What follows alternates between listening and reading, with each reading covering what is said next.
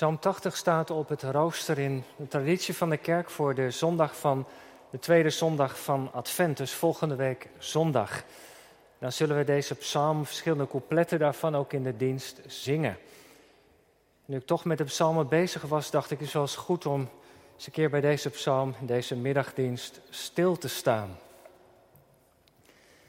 En het thema van de preek, het refrein van Advent. Het thema is ontleend aan het refrein wat we een paar keer terugvinden in de psalm. Ik lees nog even het laatste vers. Daar loopt de preek eigenlijk ook wel op uit. Heere God van de legermachten, breng ons terug.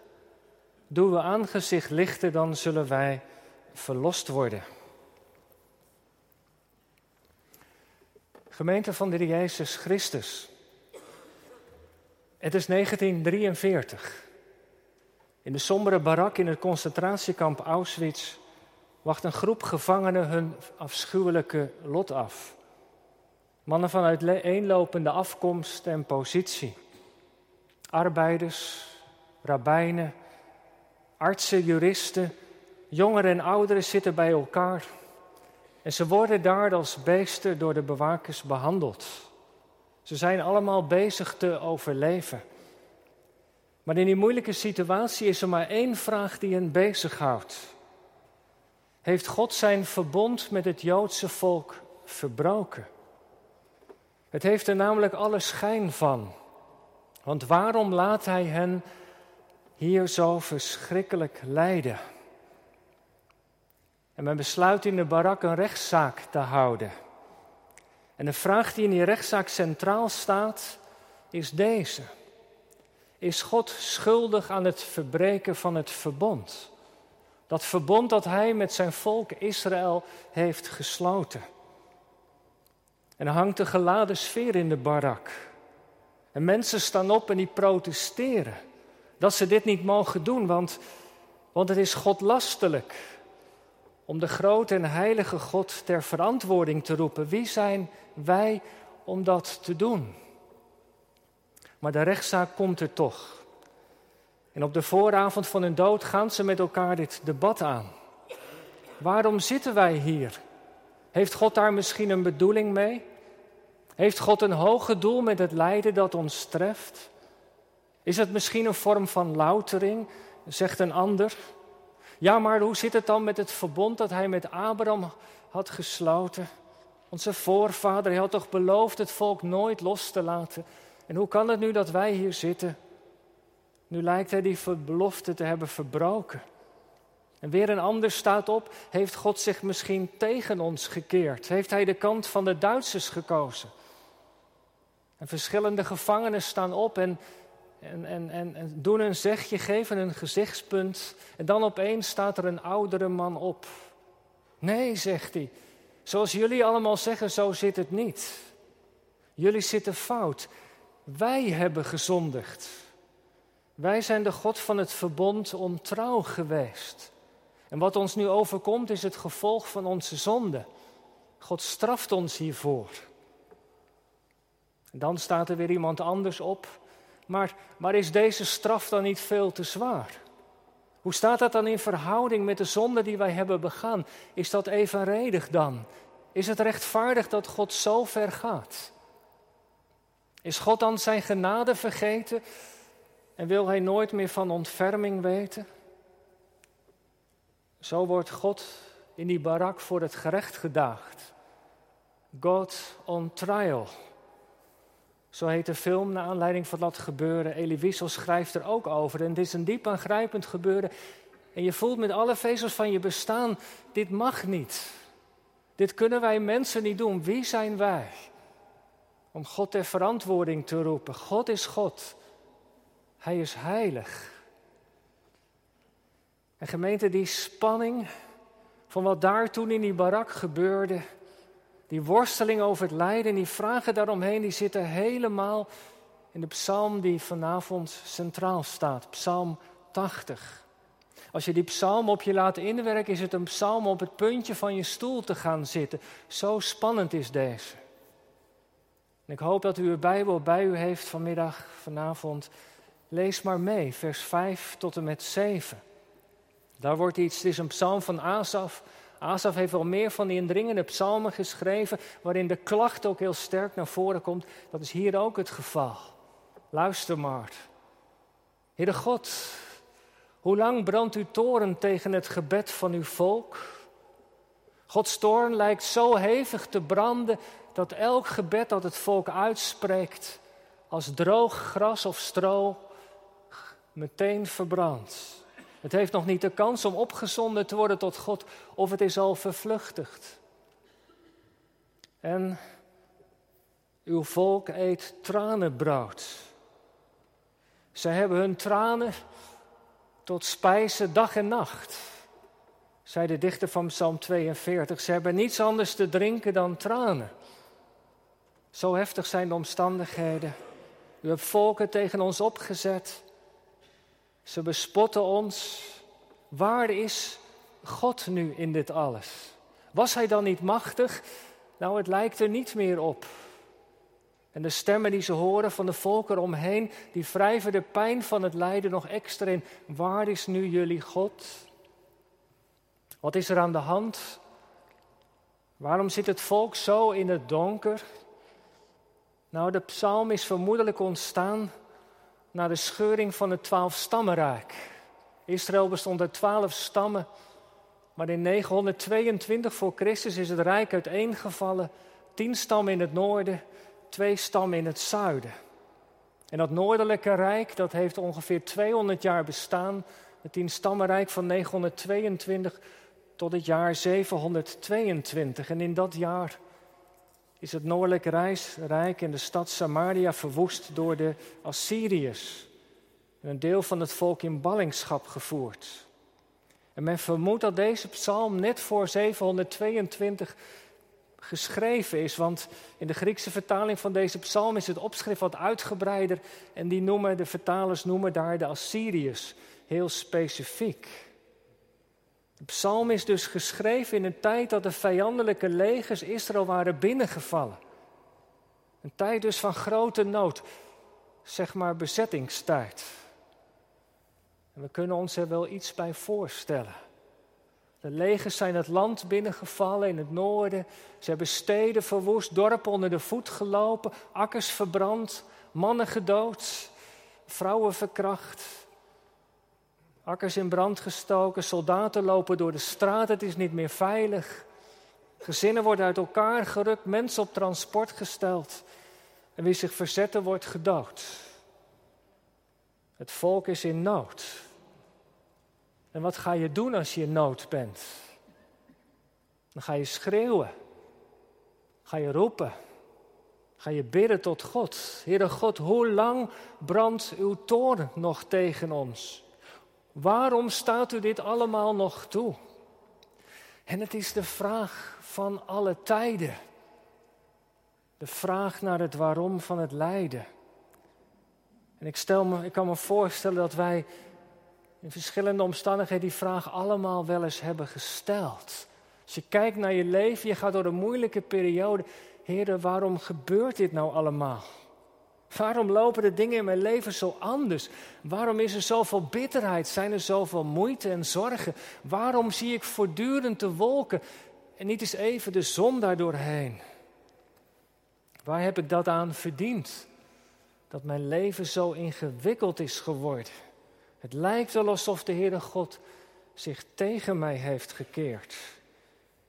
En onwillekeurig denk je dan terug aan vroeger, aan die tijden dat het anders was. Dat, net als die dichter van Psalm 42, hij klaagt. En hij denkt aan vroeger, toen hij optrok naar Gods huis in vreugde, toen was alles in zekere zin nog pijs en vree. Maar nu is dat anders geworden. En je ziet dat ook in deze psalm trouwens gebeuren. Een herinnering aan vroeger. Kijkt u maar even mee naar de versen 9 tot en met 16. De dichter Asaf die herinnert zich ook wat God allemaal in het verleden wel niet voor Israël heeft gedaan. En hij gebruikt daarvoor het beeld van de wijnstok. Nou, dat is een beeld dat elke Jood kende. Israël was die wijnstok. De dichter zegt, zo is het gegaan.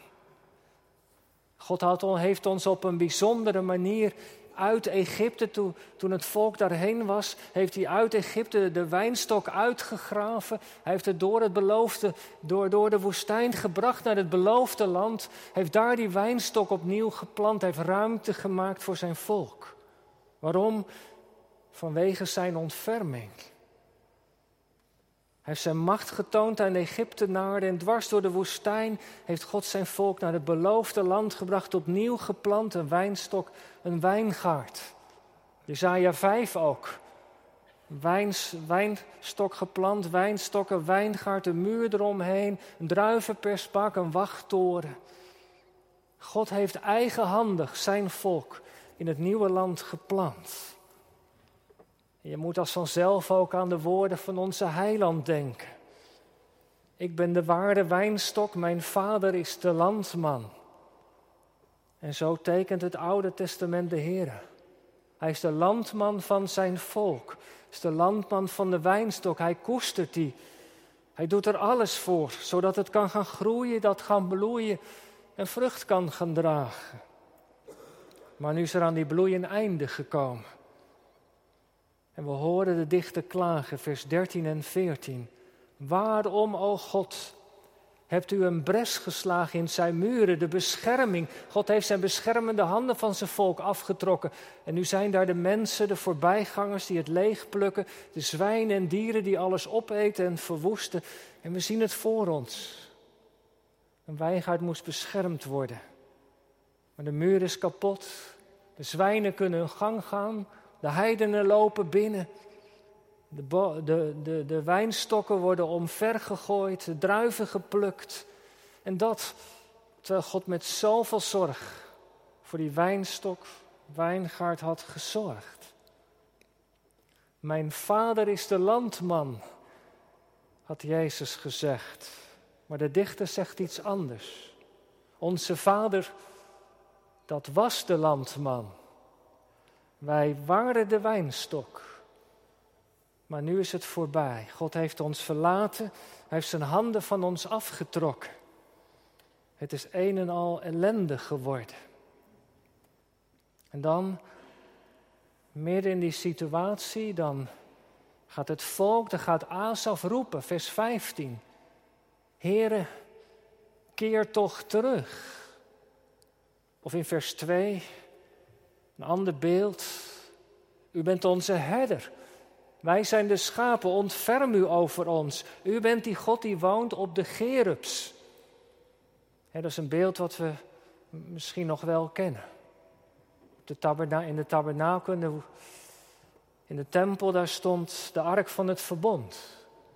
Twee engelenfiguren, twee gerubs daarboven, beschermend over het verzoendeksel. En die gerubs waren als het ware de troon van de onzichtbare God. Hij was daar aanwezig. En af en toe, dan verscheen hij blinkend, zeg, verschijn blinkend, dan, dan was zijn majesteit en macht zichtbaar. Nou, Heere God, als u, als u verschijnt, dan zullen wij verlost worden. Keer toch weer, aanschouw vanuit de hemel en zie de wijnstok. Zo fel klinkt de klacht in dit lied en indringend verwijt naar God. Wij zijn toch uw wijnstok en u hebt uw handen van ons afgetrokken. Wij zijn toch de God, het volk van het verbond, u bent de God van het verbond. Maar, maar hoe kan dat nu? Waar bent u? Waarom? Ik moet nog even denken aan het begin van de preek. Dat gesprek daar in die barak in Auschwitz. Die stem van die oude man. Te midden van al die verwijten die klonken, heeft God ons verlaten? Heeft Hij het verbond misschien verbroken? Was daar die stem van die man? Nee. Niet God heeft het verbond verbroken. Niet God heeft ons verlaten. Maar wij hebben Hem verlaten. Wij zijn ontrouw geweest. Wij zijn achter andere goden aangegaan. We waren helemaal in de ban van de goden van Canaan, van voorspoed, van geluk. We hadden God niet nodig, dachten we. En God had profeten gestuurd, maar die hebben we teruggestuurd. We hebben niet geluisterd. De stem van de profetie het zwijgen opgelegd. Het is de vraag naar zonde en schuld. Niet God, de schuld, niet zij, de volken, maar wij. Ik heb gezondigd. Dat was die stem van die oude man in die barak. Het waren niet de Joden die u kruisigden, maar ik was het, Heer Jezus. En het is nou deze stem die in de klacht van Asaf ontbreekt. Er is in de psalm wel veel klacht, maar weinig besef van schuld. En ik dacht, eigenlijk is dat iets van alle tijden. Misschien herkennen we dat wel. Wij mensen weten niet zo goed raad met schuld en zonde. Dat wij mensen zijn die verlossing nodig hebben. Elke dag weer opnieuw. Ja, in de literatuur, in de moderne romans, gaat het vol over schuld en zonde. En verlangen naar vergeving en, een nieuw begin. Maar hoe komt, hoe komt het dat het ons vaak zoveel moeite kost om dat te beamen? Om te beamen dat wij zonder de genade van God verloren zijn. Verloren zondaars zijn. Want in de wereld om ons heen klinken andere stemmen. Die horen we elke dag. Dan gaat het om geluk, om, om succes, om snelheid, om schoonheid. Om hoger opkomen. En woorden als verlorenheid en zonde passen daar niet zo goed. Het zijn eigenlijk vloekwoorden. Een hoogleraar schreef in de krant, theoloog, dit. We mogen vandaag alles van mensen zeggen, behalve dat ze zondaarden zijn. Verloren zondaarden, die alleen gered kunnen worden door de Heer Jezus. Dat klinkt als een vloek in de oren. En het is nou deze stem in de klacht van Asaf ontbreekt. De stem, Heere God, niet de klacht, Heere God, waar was u? Maar waar waren wij? Wij hebben gezondigd. Ja, zegt u, dat klinkt toch wel in die psalm door. Nou ja, inderdaad, wel in het refrein. Dat gebed tot God, breng ons terug. Uw aangezicht lichten, dan zullen wij verlost worden. En dat klopt, in het refrein is het te vinden, maar dat refrein heeft een geschiedenis. Ik zei het net al aan het begin, wil ik even kort uitleggen. De psalmen die in het psalmboek terecht zijn gekomen, de 150 psalmen zijn door allerlei verschillende mensen geschreven, gedicht. En we kennen David, we kennen Asaf, we kennen de Koragieten en vele anderen. Gecomponeerd onder de leiding van de Heilige Geest. De pelgrimsliederen, 120 tot 135, het Halleel wat de Heer Jezus heeft gezongen toen hij na het laatste paasmaal naar Dolijfberg ging, de psalm 113 tot 118, al die psalmen, verschillende tijden ontstaan, zijn allemaal gebundeld in het psalmboek. In Jeruzalem vermoedelijk, vrome Joden, Godgeleerden hebben al die psalmen verzameld, hebben daar ordening in aangebracht, verdeeld over vijf boeken. 1 tot 41, 42 tot 72 en het derde boek, als u terugbladert in de psalmen kun je dat allemaal ook zien. 73 tot en met 89. Psalm 80 staat in de derde bundel. Psalm over David, over het koningschap. En zo hebben ze door die bundeling verschillende accenten gelegd in het psalmboek. En al gaandeweg gaat het in het boek van de psalmen steeds meer van het aardse koningschap naar het hemelse koningschap. Er lopen lijnen door. En als u zou kijken, dan ziet u dat elke bundel is afgesloten met een lofprijzing. Bijvoorbeeld, geloofd zij de God van Israël van eeuwigheid tot eeuwigheid. Laat het volk amen zeggen.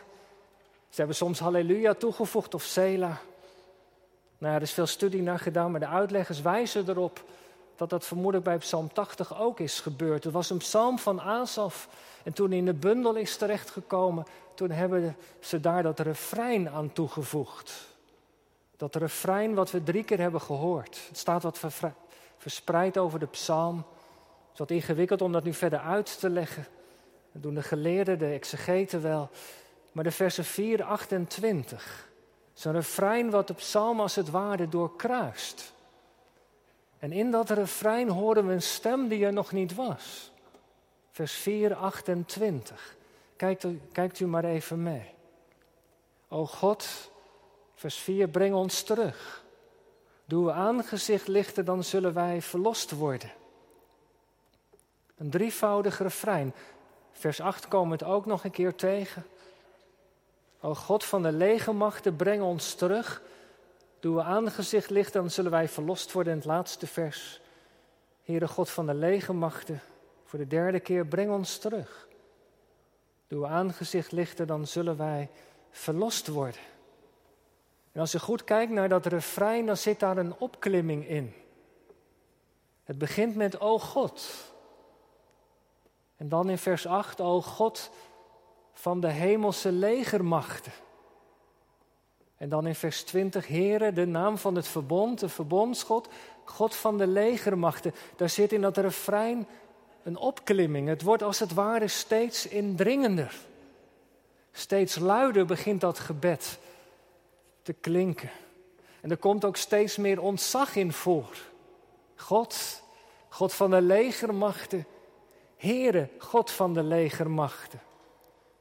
En dan gaandeweg in de psalm, door het refrein wordt het steeds duidelijker.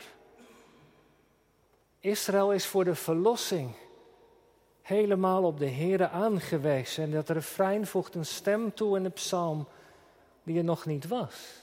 Asaf was aan het klagen. Maar dit refrein stoot door naar de kern. Want wat wordt er gebeden? Nou, kijk maar even mee. Here, breng ons terug. Dat Hebreeuwse woordje dat er gebruikt wordt, shuf, dat is het Hebreeuwse woordje voor bekering. Letterlijk staat er, bekeer ons. Of beter nog, doe ons terugkeren. Nu wordt niet aan de Heere God gevraagd, nu wordt er niet geklaagd. En er wordt niet aan God gevraagd, wilt u terugkeren? Maar nu is het gebed opeens, Heere God, wilt u zorgen dat wij terugkeren naar u? En dat is opvallend. Zit Israël in de ballingschap? Nee. Het is nog in, in het land. En wat zou daar dat refrein mee bedoelen? Ik denk dit. Doe ons terugkeren tot U. Het is het gebed om herstel van de relatie. Het gaat om de terugkeer naar God. Want dat was het diepste probleem van het volk Israël. De relatie met de Heere God was verbroken. De relatie was ernstig verstoord, die was verziekt. Doordat het volk zijn eigen gang was gegaan. En van, van de ene stap van verwijdering van de Heere vandaan, een stapje verder, begonnen de problemen te komen. Dat de raadgevingen van God in de wind geslagen. Op afgoden het vertrouwen gesteld. Het grote probleem van Israël. Het was niet on speaking terms met God. Het contact was verstoord. En u bidt het refrein. Breng ons terug tot u. Breng ons terug tot uw vaderhart. En in die terugkeer zit de beleidenis van zonde en schuld. Bekeer ons, dan zullen wij bekeerd zijn. Wij hebben gedwaald als schapen. Wij gingen onze eigen weg, maar, maar u bent onze herder. Breng ons terug naar de vertrouwelijke omgang met u. En er is nog iets wat het refrein bidt. Doe uw aangezicht lichten. En daar begint het herstel. Als God zijn aangezicht laat lichten. Als Hij ons niet langer vanuit zijn toren bekijkt met een donker gelaat, maar als in zijn gelaat de liefde, de genade weer zichtbaar is. En daar bidt de dichter om, via dat refrein, breng ons terug naar U. Zie ons aan met genade. Nou, dat Hebreeuwse zinnetje wat hier staat, dat lijkt heel erg op wat we aan het einde van de dienst straks zullen horen, op de zegen van Aaron. Komt u misschien wel bekend voor. De Heere doet zijn aangezicht over u lichten. Als je boos bent, toornig, dan kijk je donker. Maar als je aangezicht verlicht is, dan is daarop de vriendelijkheid te zien. En dat is het gebed wat zo door deze psalm heen is geweven. Het is een adventsgebed. Een, een appel, een stem die belangrijk is om te horen. Heere God, breng ons terug naar U. Naar uw vaderhart. Kijk niet in toren naar ons, maar in gunst. En als dat gebeurt, als u ons weer terugbrengt naar u, dan gaat het refrein verder, dan zullen wij verlost worden. Waar begint verlossing? Dat begint daar, waar God onze zonde vergeeft en Hij ons hart weer in lijn brengt met Zijn hart, waar de relatie hersteld wordt. Heere God, breng ons terug tot U. Dat is het indringende refrein door deze psalm heen. En gemeente, laten wij dat gebed meenemen. In deze weken van Advent, in het bijzonder in deze week van voorbereiding. Want wij worden aan alle kanten vandaag omringd door crisis. In de samenleving, in de politiek, in de wereld, met het milieu. In de crisis gaat de kerk niet voorbij. De krimp, de marginalisering, het sluiten van kerken, het verdriet dat kinderen eigen wegen gaan. En wij die worstelen met onze afgoden, met al die dingen naast God.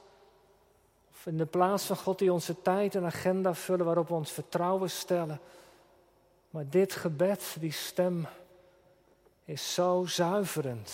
O God, wie we ook zijn, wat ons leven ook is, breng ons alstublieft terug naar U. Onrustig is ons hart totdat het rust vindt in U. Breng uw kerk weer terug tot U. Breng uw volk Israël weer terug tot U. Breng deze wereld en de mensen weer terug tot U. Breng ons weer terug tot U. Doe uw aangezicht lichten. En zie naar ons in genade. Het is een belangrijk gebed. Laten we niet vergeten het te bidden. En zou God dat gebed trouwens dan verhoren? Waarom zou hij dat doen? Waarom zou hij naar ons gebed moeten luisteren? Dat, dat moet hij niet. Maar hij doet het wel. Weet waarom? Er staat in de psalm iets, iets bijzonders aan het slot. Vers 18. De uitleggers die buiten een beetje over dat vers, maar, maar opeens zegt de dichter, laat uw hand rusten op de man van uw rechterhand. Op de mensenzoon die u voor uzelf hebt sterk gemaakt. Ja, zeggen de uitleggers, dat gaat natuurlijk over Israël. Dat God weer opnieuw aan Israël denkt. Maar als we goed luisteren, horen daarin een verwijzing naar de Messias. Want wie is de zoon van Gods rechterhand? Dat is toch de Heer Jezus of niet? Hij die gekomen is als een lam om de zonde te dragen. Onze zonde. Hij die gekomen is als de leeuw van Juda. Hij die de zonne der gerechtigheid is waar Malachi over spreekt. Hij die het stralende middelpunt is van Gods verlossingswerk. Wanneer God zijn hand legt op zijn zoon, de zoon van zijn rechterhand, zegt de dichter, dan zullen wij verlost worden. Is dat niet een bijzondere verwijzing? Want God heeft de hand gelegd op zijn zoon. De Heer Jezus is gekomen. Hij is de zoon naar Gods hart. Zijn komst gedenken wij met advent. Het is realiteit geworden waar de dichter nog naar kijkt. Hij is gekomen, God heeft de hand op zijn zoon gelegd. Verlossing is er gebracht. Het is volbracht, heeft geklonken. wat moeten wij doen? Ook onze hand leggen op de zoon in Hem geloven, zijn offer aanvaarden. Weet u, ik begon de preek met dat geding in die barak. De psalm draait het om. Niet God staat voor de rechtbank, maar wij, het volk, wij staan voor de rechtbank. Niet God is schuldig, maar wij zijn schuldig. Maar wie in geloof de Heer Jezus omarmt, wie zich aan hem vastklemt, zo is het evangelie, die wordt teruggebracht naar Gods vaderhart. en die zal verlossing ontvangen. Nou, dat is het evangelie wat we horen vanuit deze oude psalm. Heere God, God van de legermachten, breng ons terug naar U. Tot dicht bij uw hart, wat in de Heer Jezus is gaan kloppen als geen ander. Doe uw aangezicht over ons lichten, dan zullen wij verlost worden.